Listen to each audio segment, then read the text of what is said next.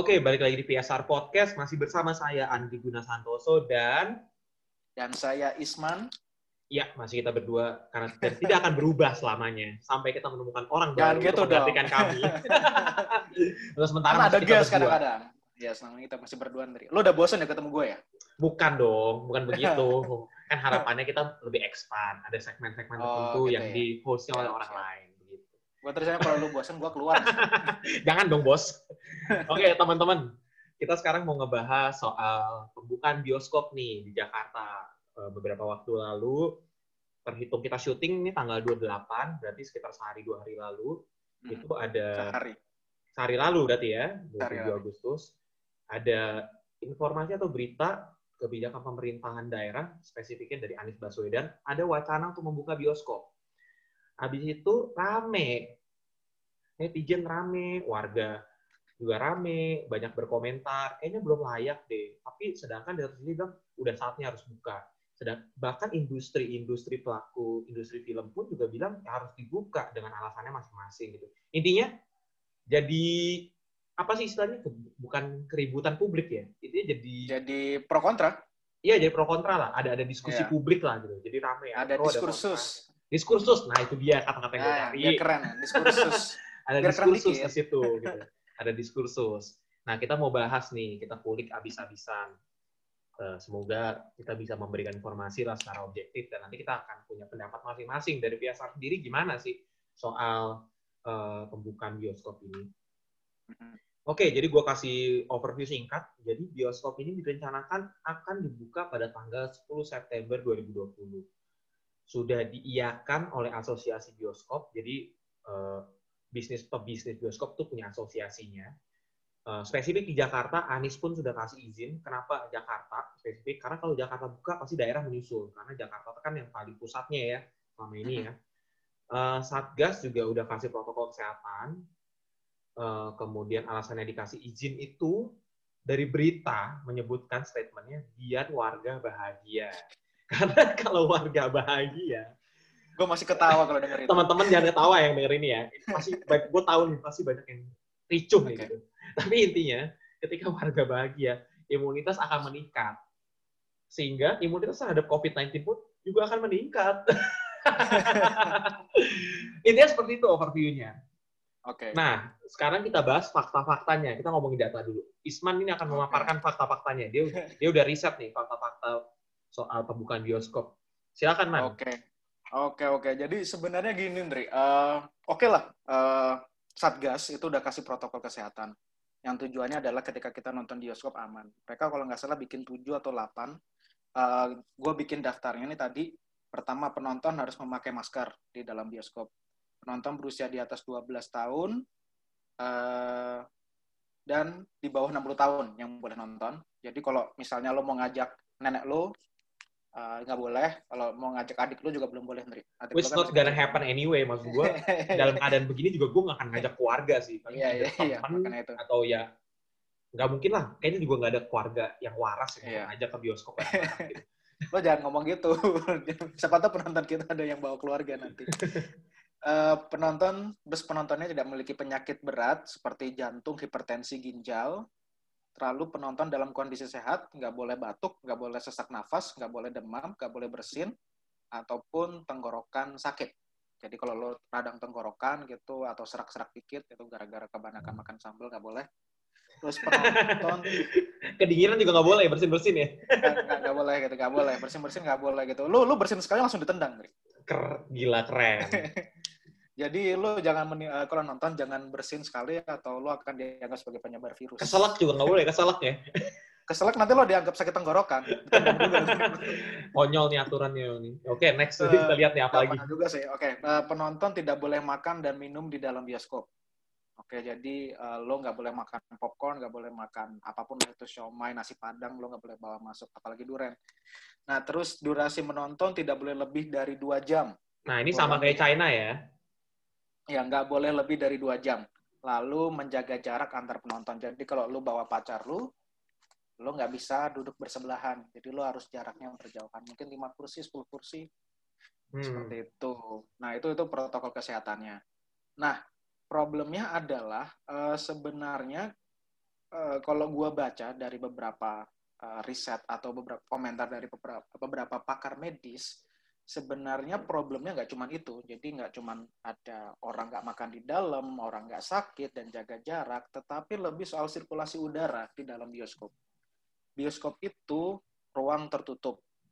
Ya. Pertama. Kemudian sirkulasi udaranya tersentralisasi. AC-nya itu kan bukan di setting per bioskop, tetapi hmm. sebenarnya uh, hampir keseluruhan kan. AC sentral lah ya.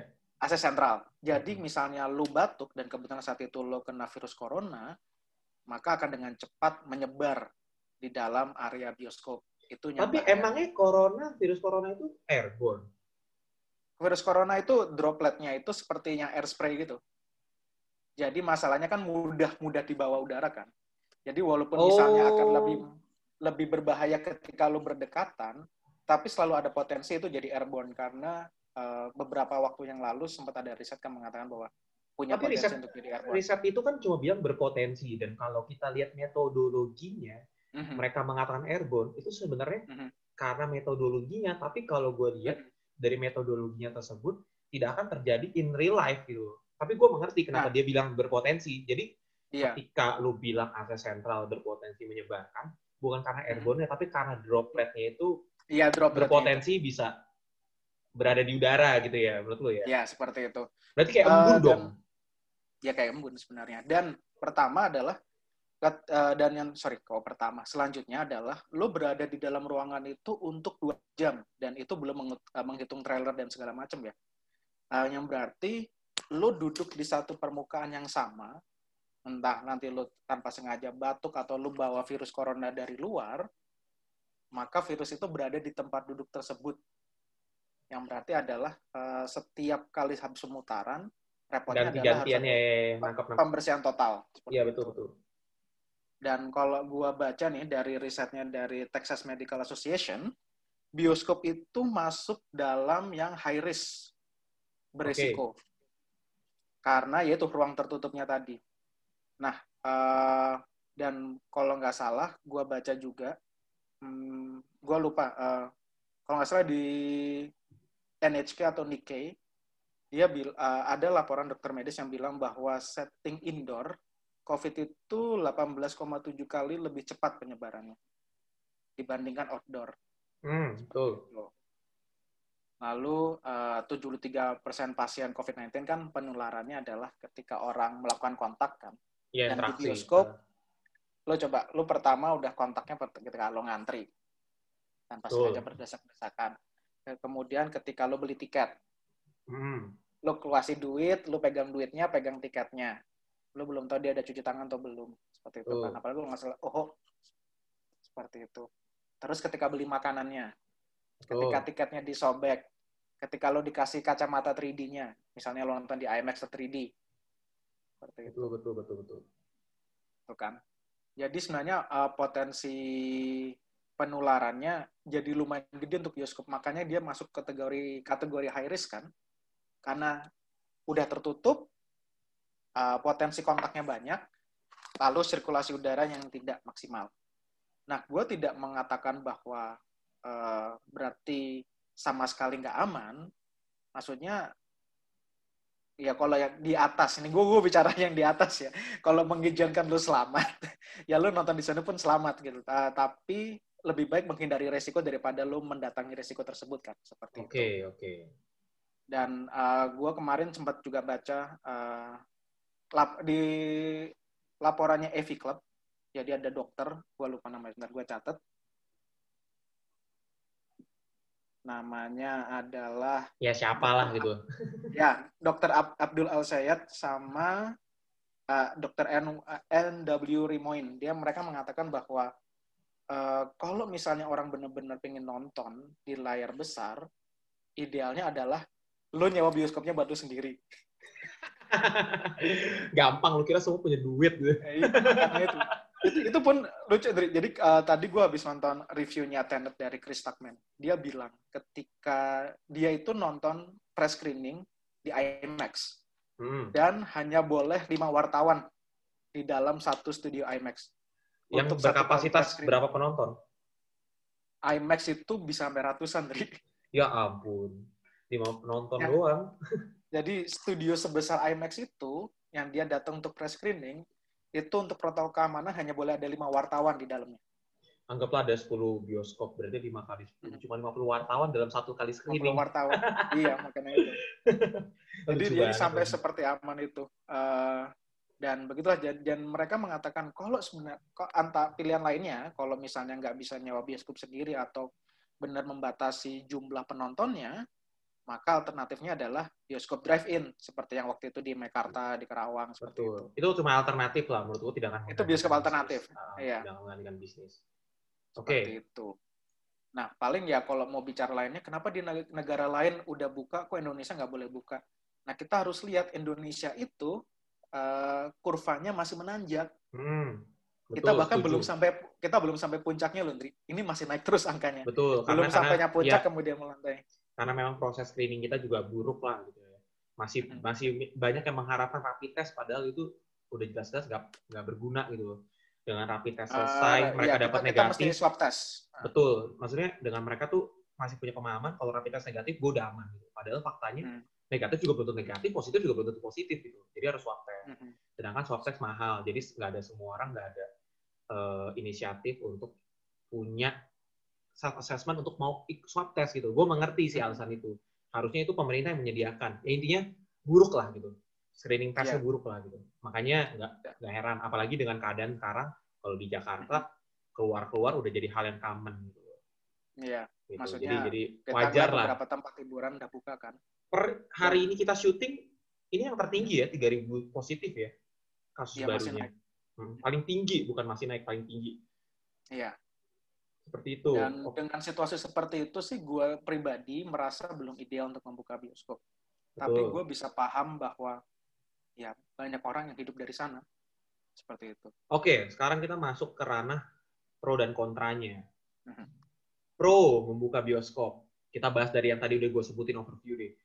Mhm. Imunitas bahagia, bagaimana mungkin guys? itu, itu itu itu pro atau masih tanda tanya, Ndri? Tapi gue mengerti maksudnya. Memang Hmm. betul, fakta memang menyatakan ketika lu bahagia, ketika lu senang, imunitas lu meningkat. Betul. Hmm. Hati yang gembira adalah obat. Lu happy, kenapa banyak orang yang ketawa, sering ketawa, sering senang, happy, itu imunitasnya tinggi gitu. Itu betul. Don't worry, be happy. Iya, betul. itu betul banget, betul banget. Ya. Tapi apakah bijak menggunakan alasan ini untuk membuka bioskop? Jadi ini pure sih alasan politik sih. Gue yakin mereka tuh ada meeting gini loh. Gini ya. Gue tuh berpikir kalau gue di posisi mereka, gue mau buka bioskop ini pasti akan jadi diskursus publik dan akan banyak banget yang kontra. Gue harus punya statement yang jelas untuk bisa mengcounter argumen mereka. Apakah Mhm. menggunakan alasan imunitas akan menjadi hal yang paling tidak bisa dikonter gitu. Jadi konyol gitu. Gue tahu pasti publik akan ngomong konyol gitu.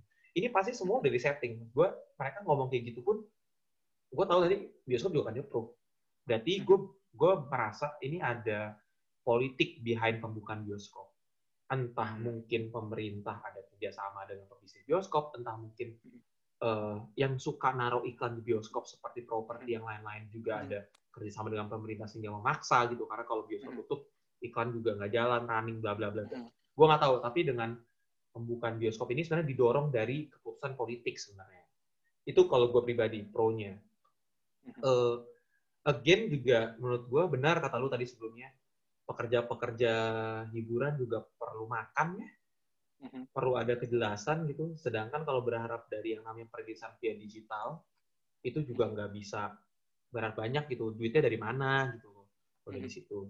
Eh, sedangkan yang pebisnis bioskop juga punya banyak karyawan yang mereka perlu perlu Mhm. eh, urus. Dan dan ini juga nggak bisa ngomong kan paling cuma bisnis bioskop kan karena lu berapa sih cuma ngurusin berapa ribu orang bla bla nggak bisa gitu memang pemikirannya. Karena kalau satu industri jalan, Mhm. yang lain juga kedorong gitu motornya gitu. Mhm. Benar-benar. Tuh. Ibarat kayak satu industri jalan, yang lain tuh industri-industri yang di belakang tuh ngedorong gitu. Termasuk ini ibarat kayak gini loh. Kalau kafe-kafe pada buka, itu distrib- perusahaan-perusahaan yang distributor ini, sirup, bubuk-bubuk apa segala macam, itu akan jalan gitu. Kalau ini tutup, Benar. ya itu hancur juga. Makanya rentetan gitu. Termasuk bioskop. Ketika industri ini jalan, berarti ada industri lain yang bergerak juga gitu. Makanya gue mengerti. Jadi ketika membuka bioskop, walaupun ini sebenarnya kan kebutuhan tersier ya, bukan kebutuhan yang memang uh, primer. Makanya uh, ini banyak ditentang gitu. Tapi faktanya begitu. Ketika ini bergerak, yang lain pun nggak akan bergerak. Ekonomi lah, pro-nya seperti itulah gitu. Jadi uh, lagian again ya, kalau lu orang nggak nggak mau nonton, nggak nggak ada yang suruh nonton gitu. Karena kan dengan protokol kesehatan kan otomatis pengunjung akan dikurangi 50% lebih kan gitu. Eh, jadi lu kalau lu nggak setuju, ya udah nggak usah nonton sederhana itu gitu. Biarkan Kalau mereka membuat klasternya masing-masing gitu. Dan again, Mhm. eh, ini ngomong perbandingan ya, gue belum pernah Iya. menemukan eh, bioskop jadi klaster baru sih. Korea Selatan Hmm. dibuka dan Mhm. ditutup kembali juga bukan karena itu jadi klaster baru, tapi karena Mhm. ada peningkatan kasus di kafe Mhm. gitu. Eh, gue menemukan fakta ya kalau kalau bioskop ini tuh less risk daripada lu nongkrong di kafe Mhm. less risk karena ini ini dengan kondisi dengan catatan. Ketika sesuai dengan protokol kesehatan ya 50% Iya. pengurangan lebih Mhm. gitu. Karena kalau misalkan as normal iya itu akan lebih beresiko. Tapi setelah 50% lebih efisiensinya eh, pengunjung itu akan jadi lebih aman menurut gua. Lebih aman daripada kafe. Gue gue sepakat seperti itu. Mhm. Eh, beresiko masih ada tapi lebih aman dibandingkan lu nongkrong di kafe. Karena faktanya sekarang di. Jakarta lu nongkrong di kafe atau segala macem sama aja kayak normal buka apa oke gini gue ngaku dosa ya gue Mhm. udah pernah ke bar malam-malam Mhm. itu mereka semua penuh tempat duduk Mhm. penuh nggak pakai masker ngobrol jadi kayak menurut gue ini tuh terjadi tanpa sepengetahuan kalian gitu loh Mhm. gitu loh jadi menurut gue kalau yang begini aja diizinkan bioskop diizinkan bukan sesuatu hal yang menurut gue aneh gitu Mhm. Oke. kontranya apa kontranya adalah itu banyak bisa jadi potensi klaster baru. Bisa Meskipun jadi. belum ada kasusnya ya. betul. Maksudnya ya belum- maksud gue jangan coba-coba lah ibarat. Masa lu tunggu tunggu kejadian dulu baru baru. Tunggu sampai kejadian dulu. Lo kan ada kasusnya. Ah, ah, bisa jadi ini baru. Apalagi melihat orang-orang Indonesia tidak orang yang sangat-sangat apa istilahnya tidak bisa menaati peraturan lah. Pakai masker Ya. aja apa segala macam susah banget gitu ini ini ini pengetahuan bukan bukan, Bukan rahasia rahasia, bukan rahasia umum lah. Ini udah kelihatan kalian keluar aja ngeliat itu nggak semua orang punya pemikiran seperti itu gitu. Masih ada rakyat-rakyat uneducated yang menganggap ini sepele gitu. Terus yang kedua eh, kalaupun dibuka ya maksudnya apakah efisien gitu. Apakah efisien? Apakah efektif? Apalagi kalau dibuka nggak boleh makan popcorn ya nggak sih? Karena itu potensi banget kan. Eh, jadi sedangkan kita tahu bioskop itu pemasukannya dari dari yang side Mhm. Di, Dari di sampingan seperti itu. ini iklan makanan. Sedangkan kalau cuma nonton doang cuma dari iklan juga ya orang yang mau iklan juga bingung. Orang pengunjungnya juga kurang 50% lebih. Siapa yang mau nonton gitu gitu gitu loh. Mhm. jadi Mhm. nggak nggak nggak efektif. Jadi buat apa? Mhm. jadi esensinya apa buka bioskop? Kalau yang gitu itunya nggak ada. Lu untung juga kagak Mhm. itu masa-masa buka bioskop. Gitu. juga. betul. Yang ketiga tadi yang seperti yang bilang ini kita belum melandai. Mhm. muncak juga belum buat apa kita buka bisnis-bisnis yang gak esensi Iya, iya. gitu. Intinya eh, ada potensi super spreader juga di dalam gitu di dalam bioskop. Mhm. nggak penting lah intinya nggak penting lah. Nggak penting. Mhm. nggak penting. Itu bukan bisnis yang penting untuk dibuka gitu. Ini konsep pasti itu. Sesederhana Oke, itu. Oke. Ya, lagian kalau lagian ini masuk ke ranah selanjutnya. Kalau dibuka film apa sih yang akan bisa ditonton? Oh ya benar juga. Maksudnya gue sendiri, eh, oke gue mengakui saat ini ada dua film yang potensial untuk menggait banyak penonton, yaitu Tenet sama New Mutant. Tenet Hmm, kebetulan reviewnya lumayan. Rotten Tomatoes tepat 80%. New Mutant yang jelek sih, dia cuma dapat sekitar 17-18%. Eh, problemnya adalah film itu cuman ada dua. Oke, masih ada film Indonesia, Mariposa dan segala macamnya yang masih bisa tayang. Cuman ada batasan maksimal dua jam itu dan kita melihat beberapa film sekarang makin lama durasinya makin panjang. Iya iya Kayak Tenet itu 150 menit. Oke, tepatnya 2, 2 jam 31 menit termasuk credits. Dengan kata lain, kalau misalnya aturannya maksimal durasi penayangan 2 jam, termasuk gua anggap termasuk menghitung trailer dan iklan ya nggak mungkin iklan itu dihapus karena itu pemasukan bioskop Hmm. berarti harus dipotong 30 menit lebih ya kita tahu XX1 selalu ngasih jeda 10 menit dari uh, jadwal yang ada di tertera di Iya. tiketnya kan. Jadi 10 menit lebih gitu. 10 menit Eh, lebih. itu nambah lagi gitu ya waktu lagi. Berarti let's say uh, kita pertama harus potong 30 menit dan 10 menit untuk trailer dan iklan. Berarti sekitar 40 menit harus dipotong dari Tenet. Tenet dengan yang kalau gua baca ceritanya memusingkan itu dipotong 40 menit lo bahkan akan buta habis nonton film itu. Lo nggak bisa apa-apa. sih. Nggak, Intinya nggak bisa gitu. intinya nggak bisa. Intinya nggak bisa Nah. nayangin gitu. Nggak mungkin dipotong, nggak mungkin di-cut. Itu Nggak mungkin dipotong karena itu nggak Ah. nggak masuk akal. hmm, jadi nggak Ya, bisa. lah. tapi untuk untuk beberapa film masih bisa. Cuman pilihannya jadi makin terbatas. Karena kita tahu kebanyakan film sekarang over 2 jam seperti itu. Hmm. Dan eh, di sisi lain yang ya tadinya seperti lo sebutin, Dri. Ini mas, masuk dalam hal kontranya gua adalah gua masih ada kekhawatiran eh, penonton belum sepenuhnya tertib. Gua berharap semua tertib. Kalau misalnya ini benar jadi buka. Tapi untuk yang hal sesepele tidak menyalakan handphone aja orang masih sulit, apalagi tidak membawa makanan dan memakai masker. Ya nggak usah jauh-jauh lah di bioskop. Ya. Di luar-luar aja sekarang pakai masker Iya, iya. aja jarang-jarang. Gitu. Ini gue nggak ngomong yang Ya. nggak ngomong yang di restoran atau di jalan gitu. Masih masih banyak Ya. orang-orang di jalan tuh yang nggak nggak ngerasa ini tuh sesignifikan itu gitu loh. Kalau lu ke pasar deh, gue tuh ngeliat ke pasar, buset, nggak pakai masker, orang masih bergerumul, eh, bener-bener kayak savage banget lah masih gitu. iya iya masih nongkrong nongkrong rokok gitu kan kopi deket-deketan seperti itu tidak Karena ada social distancing dan physical di, distancing eh, eh, karena kalau yang di kafe gue masih mengerti orang tuh masih masih ya datang pakai masker, pas minum lepas, terus ketika ngobrol masih pakai masker, masih aman gitu. Gue mikir, oh orang yang datang sini orang-orang yang memang educated lah, udah paham. Tapi yang Lu pas di keluar luar pakai masker itu, jujur enggak. Waktu itu jujur enggak, karena lagi ngobrol gitu. Terus gue kayak Iya, ke bawah iya. suasana gitu. Waktu Iya, itu ya, jujur enggak gitu. Iya, Aku dosa lah gue lah. Aku Iya. dosa lah. Tapi maksud gue yang aja nih, lepas iya. gitu loh. Yang begitu-begitu aja lepas. Apalagi bioskop yang lu lebih privacy gitu loh. apalagi bioskop gelap dan nggak nggak diawasi bener kan Betul. Ya, lu kasarnya gini loh. Pembajakan, nggak boleh pembajakan, nggak boleh tindakan asusila. Ya elah, kita sering dengar kali cerita-cerita aneh-aneh di bioskop. Itu aja masih terjadi dengan adanya. CCTV gitu loh, teman-teman. Jadi, itu aja masih sering terjadi dan dibiarkan. Jadi menurut gua tidak, tidak gue nggak akan heran nanti kalau nanti di dalam masih masih banyak pelanggaran. Itu aneh dan kalau dan kalaupun misalnya nanti ada kebijakan kontrol ketat di mana kalau ada pengawas di dalam dan harus menindak let's say ada sapam di dalam pakai night vision goggles atau Nggak uh, bisa, nggak akan terjadi. Lu nggak usah mikir sampai jauh itu, itu nggak akan terjadi. Enggak, enggak, ini ini ini ini, ini. Kita kita kita kita bicara skenario aja. Kita bicara skenario. Lu apa tuh anything is possible lah. Masalahnya Pakai skenario itu tidak akan pernah terjadi, nggak perlu di nggak perlu dipikirkan gitu loh. Aneh gitu.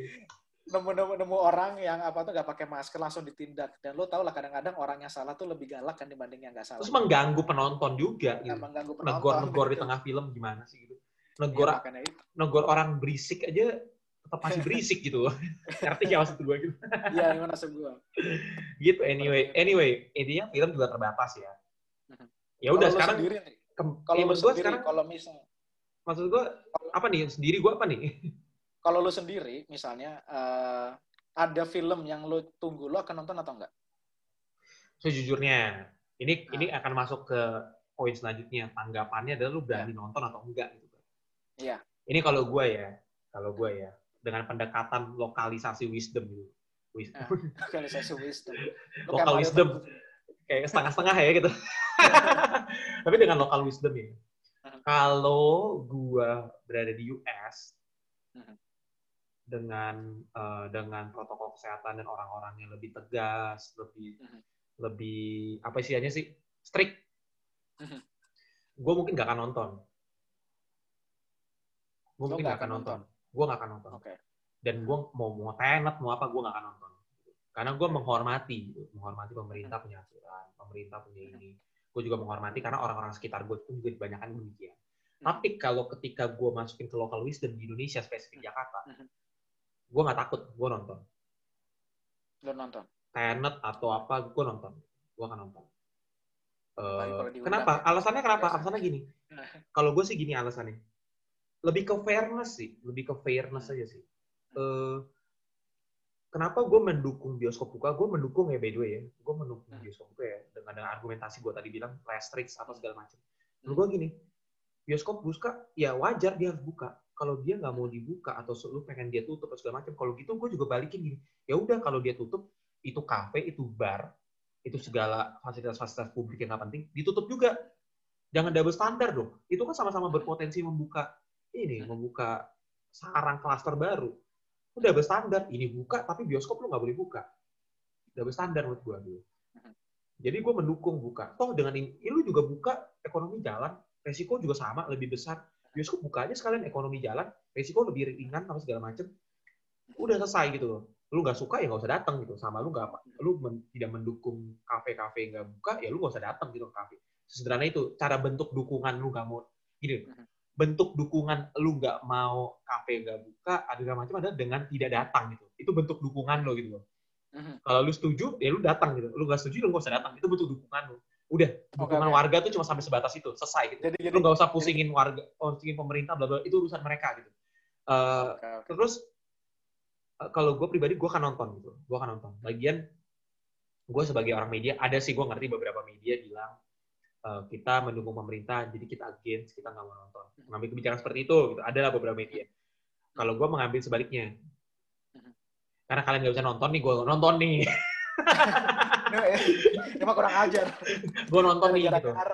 Loh, yang resiko gue, lu nggak lu nggak yeah, ini yeah. gitu, ngerti gak sih gitu? Yang resiko gue. Terus terus habis itu lu nyebar spoiler, mati aja. Ya eh, enggak dong, ya, urusan lu lu mau denger atau enggak. Gitu.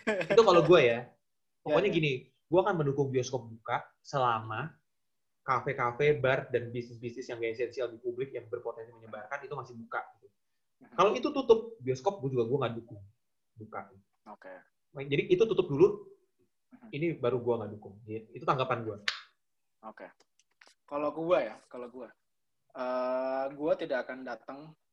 Jadi gini, meskipun oke, okay, uh, gua paham bahwa bioskop perlu buka karena ada faktor ekonomi di dalamnya. Ya itu yang paling masuk akal karena banyak orang yang hidup dari sana. Banyak bisnis yang sangat bergantung dengan keberadaan bioskop seperti catering, terus uh, kebersihan, cleaning service, uh, security juga karena mereka kan butuh apa uh, gue pribadi kalaupun bioskop buka gue akan mempersilahkan lo nonton gue sendiri akan memilih untuk menunggu sampai film-film yang gue mau muncul di streaming service atau situasinya lebih aman karena uh, eh, gue start dari memperhatikan kondisi kesehatan gue dulu lah. Seperti itu. Jadi gue tidak akan melarang orang bioskop buka melarang orang untuk nonton gitu. Gue hanya menyarankan tidak. Tapi kalau misalnya tetap ingin menonton ya orang kan udah dewasa kan tahu resikonya kalau gue pribadi gue nggak akan nonton karena gue berpikir ya gue masih bisa berpotensi kena virus corona. Kalaupun kena dan tidak ada gejala apa-apa gue masih berpotensi menulari orang lain. Apalagi gue tinggalnya di apartemen lagi yang relatif berdekatan dan bisa aja kan gue jadi pasien yang OTG bukan on the go ya tetapi orang tanpa gejala. On the go kalau, lagi. kalau on the go gue USB kalau on the go gue USB OTG orang tanpa gejala. Bisa aja uh, eh, gue kelihatan sehat tapi sebenarnya gue bawa virusnya jadi carrier. Dan kemudian gue bertemu orang-orang saya hai uh, ambil paket di resepsionis atau beli makanan beli belanjaan di Indomaret orang tertular di situ jadi gue start dari menjaga diri gue sendiri diri gue sendiri untuk uh, meminimalisir kemungkinan gue menulari orang lain seperti itu sesederhana itu sih kalau nantinya sudah melandai kurvanya di Indonesia baru gue akan memberanikan diri untuk nonton di bioskop. Oke, okay, gue akui, gue uh, gue kayak gue masih kadang pergi ke kantor karena nggak mungkin kan gue nggak kerja. Ya, kalau ke kantor kan kewajiban yeah, itu itu dimasuk itu masuk akal lah, semua bisa terima. Iya, iya. gue masih kantor dan kan, kadang gue makan siangnya di luar setelah dari kantor. Di mana itu bisa makannya di kafe yang berarti uh, eh, gue berpotensi kena virus atau menyebarkan virus di situ kalau misalkan gue tertular. Tapi ya kalau gue bisa meminimalisir, kenapa enggak? Seperti itu lah. Dan lagi pula sebenarnya film yang pengen gue tonton cuma Tenet doang. Dan maksudnya gue nggak akan mati dengan tidak menonton itu masih ada kesempatan untuk nonton. Gue bisa aja diceritain dulu karena gue toleransi gue terhadap spoiler lebih maksudnya sangat tinggi. Jadi orang cerita spoiler gue malah biasanya akan makin tertarik dan nantinya gue akan koleksi filmnya seperti itu. Iya sih, uh, betul betul betul ya gue menghargai tapi, orang nggak mau nonton ya. gue menghargai gitu hmm. cuma tapi, tapi, uh, gini nih sorry uh, gue motong uh, gue gua gua takut kalau gue ngomong gitu tapi gue tidak memberikan solusi lah Maksudnya kayak kata Bu Tejo gitu. Jadi orang tuh yang solutif. Nggak perlu, men. Lu nggak perlu solusi untuk mengkritik orang gitu. Aneh gitu. Nggak Oke. semua orang. Justru justru itu kita kritik, kita kritik Iya. supaya lu bikin solusi gitu loh. Makanya Oh kita gitu ya. kritik. berarti. Kalau kita cari Karena- karena- solusinya juga, gue nggak usah kritik lu gitu loh. Iya. Tapi kan lu tahu di Indonesia bilang kayak lu bisa bikin film aja film. Aneh banget sih gitu. kayak kayak gua apa tuh gua mengkritik soal bioskop dibuka kayak lu bisa bikin solusi yang aman. ya gua gua merasa solusinya nih yang menurut gua adalah eh ya itu tadi penontonnya kalau bisa di bawah 25% lah, bener-bener di By the way, by the way, ngomong-ngomong penonton di bawah 25 persen, Hmm. udah bunyi, ini ini terjadi nih pembicaraan kita di Hmm. podcast sebelumnya soal new normal Oke. bioskop. Sudah muncul bisnis-bisnis Hmm. eh, penyewaan bioskop-bioskop kecil. Iya, Sudah model muncul. Gitu ya. Di Jakarta Udah ya? sudah muncul. Ada Oh. beberapa tempat yang tempatnya sebenarnya mini teater terus disewain. Lu Hmm. mau nonton film apa nih? Tonton di sini. Ada jadwal-jadwalnya. Udah muncul. Menarik, menarik. Bahkan Itu ada orang yang nyariin, eh gue mau nonton di bioskop kecil gini gimana ya, bla bla bla ya, gitu bla bla bla gitu. So, ini sudah muncul, wah luar biasa. Apalagi bentar lagi ada Mulan kan, Disney Plus. Nah, Nonton bisa kan? bioskop, Nah. nontonnya di situ. Selama nggak dimonetisasi kan sebenarnya legal gitu. Ini kan yang membuat Iya. ilegal karena dimonetisasi kan. Iya, seperti itu. Mantep Jadi, sih ini. Mantep. Eh, ya justru malah dalam situasi seperti ini muncul solusi-solusi kan. Tapi itu tidak membantu lah, kan itu kan itu maksud gue distributor besarnya kan tetap Iya. itu kan nggak akan nampilin film-film ini film-film yang baru gitu distributor distributor eh, yang besar gitu. Itu kan cuma nampilin film-film lama? Orang cuma kangen sama nonton bioskopnya aja gitu kan. Ya, kecuali jadi sebenarnya nggak membantu sih. Kecuali distributornya masukin filmnya ke streaming service, terus di bioskop kecil itu yang bisa bisa nonton dari streaming Eh, service. tapi tetap maksudnya penggerak roda industri bisnis bioskopnya nggak Iya. jalan. Jadi sama aja sebenarnya itu tidak Jadi membantu. sebenarnya ya ya hanya menyelesaikan sedikit masalah tapi tidak menyelesaikan masalah besarnya. udahlah menurut gua lu berdamai aja lu, lu berdamai dengan corona aja lu di mana pun lu nggak berpotensi nyebar gitu loh lu Ya, di ya. rumah sendiri emang lu nggak interact sama orang luar gitu Ya sih, manggil goblin Eh, gitu. lu kan berpotensi juga gitu loh jadi udahlah Iya. nyebar aja cuma memang lebih beresiko aja Ya kalau kalau gua bisa meminimalisir kenapa enggak sih? Membantu dikit seperti itu. nah gue mengerti ada orang minimalisir ya udahlah toh kalau gue sih teksnya gini oke lu punya teks minimalisir kalau gue as long as pemerintah tidak melarang aman. Gue cuma taat sama pemerintah. Kalau pemerintah bilang stop stop gue oke gue stop. Tapi as long as pemerintah punya aturan yang melarang gue berhak untuk itu. Lu nggak setuju sama gue gue terima. Lu lu nggak setuju sama gue gue nongkrong gue nonton bioskop gue terima. Tapi gue berhak karena pemerintah karena aturannya tidak melarang. Gitu. Terus seperti itu. Oke. meminimalisir yes gue berusaha sebisa sebaik mungkin untuk meminimalisir tapi gue berhak untuk melakukan itu gitu. Oke. seperti itu sih. Toh juga kalau jadi klaster ya udah tinggal tutup selesai kan. Ya nggak bisa gitu juga kan mesti dirawat dulu orangnya. ya urusan masing-masing gitu maksud gue gitu. Ya, urusan yang jadi tanggung jawab udah lu nggak repot lu nggak nonton yang protes-protes ini tuh udahlah gitu bang. Mestinya lu protesnya kalau- pemerintah jangan protesnya ke kita Iya. sebagai warga. Lu protesnya ke pemerintah. Menurut gue Iya gitu. Oke. Tapi lu tapi, tapi lu juga bisa protes ke distributor kan, Rick? Maksudnya masukin aja streaming service. Ah susah nggak bisa men. Mereka pasti punya punya alasan-alasan Iya, bisnis yang membuat mereka nggak bisa kayak gitu gitu. Oke anyway sekarang kita masuk ke segmen baca-bacain komentar atau tanggapan para fans. Gila keren. Iya, bukan para fans para followers pengikut Para kita teman-teman. Kita nggak boleh nih nyebut-nyebut fans nih kesannya. Kita bacain ya. soalnya kalau pertanyaan sih nggak mungkin ya. Lebih ke tanggapan kali ya intinya soal soal isu-isu ini diskursus ini Mhm. gue bacain ya Mhm. Eh, dari Albert Agung Agus Albert Agung Bagus cari Itu penyakit satu itu tiga nama atau satu nama? satu nama Satu nama. Intinya dia bilang cari penyakit nggak ada jaminan protokol kesehatan dijalankan dengan baik. Betul, setuju. Benar. Fak- faktanya Apalagi yang Indonesia belum tutup. betul, faktanya juga yang yang paling common aja nggak dijalankan dengan baik. Itu betul. Apa sih dari apa sih hasilnya dari eh, pemeriksaan suhu? Nggak ada men gitu. Kata pepatah, Andre, rules are made to be broken. itu betul juga. Gue sering langgar aturan soalnya. Oke, abis itu dicaci maki netizen. Oke, terus ada Deril Damara bilang, mestinya sih Pemkot, Pemprov, atau Pempus koordinasi bareng dengan Kemenkes sih soal ini. Udah belum ya? Ini Kayaknya tanya. sebelum ya. Kalau misalnya Anies sudah mem- memberi izin, berarti sudah ada koordinasi dong dengan Kemenkes. Oh, betul juga sih. Ada hak Tapi ya. apa- Tapi gue baca Ganjar Pranowo, gubernur Semarang itu eh, belum memberi izin. Jadi kayaknya ini tergantung tiap daerah, Nri. Oh, Jadi walaupun Jakarta ya wajar. Iya, iya. Mengerti. Lockdown kemarin juga tiap daerah soalnya. Mhm, betul. Jadi jadi gue mengerti sih kalau kebijakan daerah masing-masing. Makanya ini spesifik Jakarta ya, bukan satu Indonesia Iya. ya. Tapi dengan Jakarta membuka, berpotensi di daerah juga akan ikutan. Gitu. Jadi ada multiplier effect. Heeh. Eh, ininya secara singkat pada yang bilang aman, jangan ditunda lagi. Sepertinya mendingan jangan dulu, doakan aja yang terbaik. Mantap, Akan aja yang terbaik. aneh banget sih. Terus ada yang komentar juga, eh, bentar gue baca ini ya. Nggak aman. Siapa. Pasar dan mall, titik dua, noob. Terus ada yang bilang dari Bougainville, underscore United 86, ah gila lah, jangan potong durasi film Tenet dong. Ntar nggak dapat potongan adegan asli karya Nolan tersebut. Demi mutan juga, kalau kayak gitu ya kecewa lah, karena nggak bisa nonton Tenet sampai selesai gara-gara aturan tersebut. Ininya pemotongan durasi tadi ya. Iya. Ya itu sih. Kayaknya sih akan lebih banyak film Indonesia, Nri. Film Indonesia itu banyak nggak sih yang di atas dua jam? Tapi film-film Indonesia pun juga dirilis di Disney Plus. Oh iya ya. Disney Plus Heeh. kan minggu depan ya. Bucin kayak di Netflix. Kita kayak produk placement ya. Iya, wow. Gak apa-apa lah, kita belum punya kredibilitas untuk sampai nggak nyebutin brand.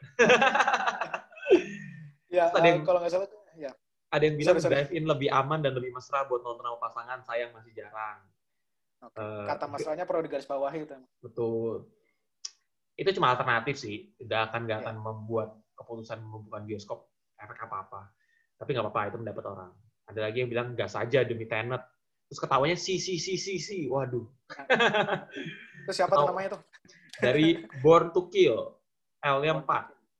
Oh, Ini ada lagi. oke. dari Aki Syam. Ngapain maksain bioskop? Netflix ada resiko besar cuma untuk film yang kalau nunggu sebentar bisa ditonton di rumah. Bisa makan, tiduran, gak usah was-was. Cek, cek, cek, cek, cek, cek. Ya, ya. ada yang bilang, Tapi masalahnya ada beberapa film yang lebih maksimal kalau ditonton di bioskop masalahnya. Kayak kayak eh, Christopher Nolan memaksakan Tenet, sangat memaksakan loh nih Andrea. ya. Bahkan dia yang bersikeras filmnya harus tayang di bioskop tuh Christopher Nolan sendiri. iya, iya, dia kekeh banget sih. Hmm. Orangnya idealisme Gue banget. gue merasa idealis dan agak egois sih, tapi ya oke lah. Itu biasanya orang jenius seperti itu. Harus didorong sama industrinya. Gue setuju juga Iya. kadang-kadang. Kan Soalnya dia juga juga fair, soalnya dia bilang gini, eh, ketika dia menghadap ke Kongres, Kongres Amerika, dia bilang ini untuk memastikan bahwa pekerja-pekerja film, termasuk yang di bioskop, itu tetap bisa hidup. Seperti itu kata dia. Pem- Pemasukan dari tiket, pembagian keuntungan, itu termasuk yang membuat mereka tetap hidup sampai sekarang. Kalau nggak ada film, gimana bioskop-bioskop itu akan tetap ada. Nolan kan sangat puris kan, dia eh, filmmaker yang ingin mempertahankan uh, theater experience. Betul, betul. Makanya kemarin kita juga PSR kan ada uh, charity juga kan ke pekerja-pekerja harian. Mereka juga sebenarnya kasihan gitu, kerja apa istilahnya. Gitu. Um, Oke, next. Ada lagi yang bilang, menurut gue lebih aman dari kafe, restoran yang juga indoor, muka berhadapan, bisa lalu lalang sama pelayan orang pengunjung lainnya, dengan note dari? seat-nya berjarak di sekelilingnya. Gitu. Dari siapa? Uh, dari at Novendier. Uh, ada lagi yang bilang at Leonara 021 kalau saya mending pan aja lah. Ada yang bilang dari at Impulsik. Ini peluang bagi kebangkitan layar tancap. Betul juga. Bener juga. Ya itu bioskop alternatif kan layar tancap sebenarnya. Maksudnya Iyalah. yang misbar, gerimis bubar. Ya intinya sisanya cuma nggak aman, I don't care, ada yang setuju, bla bla bla. Intinya sih tanggapan gitu. Mhm. Tapi Seperti kalau itulah. lihat kecenderungannya orang-orang malah eh, tidak menyarankan ya. Tadi maksudnya kalau gua dengar dari eh, kata-kata lu yang dari komentar-komentar. Sebenarnya eh, sampel dari followers kita itu tidak akan merepresentasikan. Kebanyakan orang-orang Hmm. yang pro tuh lebih diem, lebih yang nggak kepedulian, lebih kayak Hmm. apatis. Dia nggak mau komentar Hmm. ini itu, ya gue pokoknya nonton gitu. Oke. Itu lebih lebih kayak gitu. Jadi sebenarnya followers followersnya tidak bisa merepresentasikan apa yang terjadi gitu. Nanti faktanya. Apakah mereka? Ini kan sama aja kayak gini kan. Mhm. Gue jangan ngambil Indonesia deh kesannya nanti bau politik. Di luar lah, Trump sama Hillary lah kayak kemarin. Oke. Kalau ngomongin secara sosial media, Hillary selalu menang by data. Tapi faktanya Trump yang menang. Hmm. gitu loh. Jadi banyak orang-orang tuh yang nggak speak up gitu loh. Nggak Ya, bisa lu ngambil ngambil sampel di sosial media sebagai basis dasar untuk untuk fakta lapangan. Karena banyak orang yang nggak menggunakan sosial media, ya diem-diem aja, ngapain sih voting-voting nggak penting gitu. Yang penting voting aslinya gitu loh. Sama Oke. ini, sama kayak gini. Pada pendapat lu tuh nggak penting semua. Yang penting nanti kenyataannya gimana, fakta lapangannya. Kebanyakan yang datang, kebanyakan yang nggak datang gitu. Gitu. Menarik sih. Kalau bioskop buka nanti patut kita lihat maksudnya apakah orang-orang kan banyaknya nonton atau enggak dan film apa tentunya yang tayang. Maksudnya gua gua akan akan menantikan lah seperti apa itu. Ya seperti itu sih dilemati, dila- dilemanya ya, dilemanya membuka bioskop di Jakarta. Dan untungnya lu spesifiknya masih gitu. masih berani menonton, Tri. Kalau nggak ada bagian yang bisa kita review nanti filmnya. Betul, karena karena ini gen ya. eh, Iya. Kan pasti ada orang yang bilang kasihan keluarga lu apa segala macam. Karena di keluarga gue juga sendiri, di rumah gue sendiri juga orangnya juga udah leisure gitu Hmm. loh. Jadi gue ngerasa kalau dibilang lu nggak bertanggung jawab terhadap keluarga lu lah, mereka juga kayak begitu, kenapa gue harus begini gitu. Jadi kita cukup aman kecuali keluarga gue strict, gue juga akan menjaga gitu. Oh kalau keluarga gue strict, gue juga akan ikutan strict. Jadi gue ngikutin. Kalau gue, Hmm. gue guanya keluarga gue nggak strict, teman-teman sekitar gue juga udah berani nongkrong. Gue juga kadang-kadang keluar untuk ngomongin pekerjaan-pekerjaan penting. Kadang-kadang gue juga keluar untuk eh, nongkrong.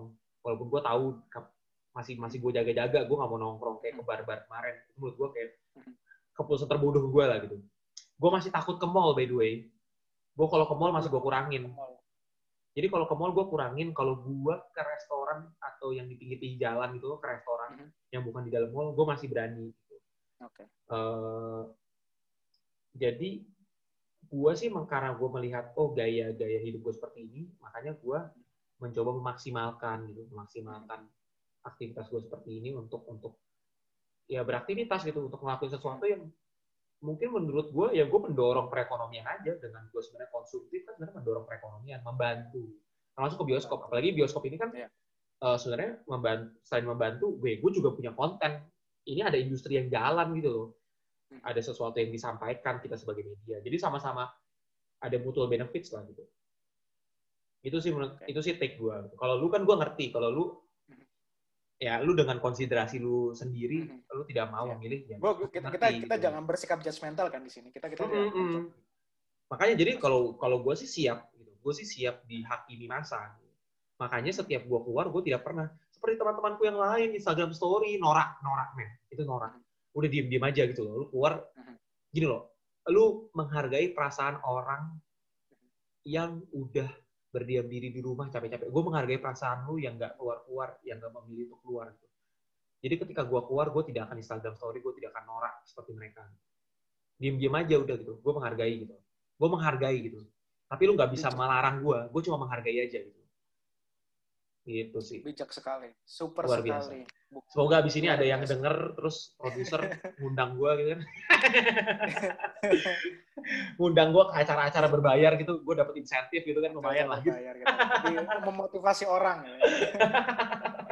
tapi tapi gini sebelum kita mengakhiri nih, Indri, uh, key takeaway dari diskusi kita malam ini apa? Yang ingin lo sampaikan soal bioskop dibuka dan soal menonton di bioskop. Kalau gue summary-nya gue singkat eh, dengan diskursus yang ada pro dan kontra. Eh, intinya gini, pemerintah udah ngasih aturan, kita mau menolak sebesar apa pun agak sulit ya. Karena gue yakin ini juga karena dorongan keputusan politik. Jadi ketika udah ngomong bobo politik di dalamnya, udah susah untuk nge-trigger itu. Hmm. Itu Dan berat banget. Ekonomi juga ya. Betul, ekonomi juga itu udah berat banget itu karena udah ngomong keputusan publik. Jadi hal-hal seperti kesehatan apa segala macam nggak alasannya akan terbantahkan. Gitu.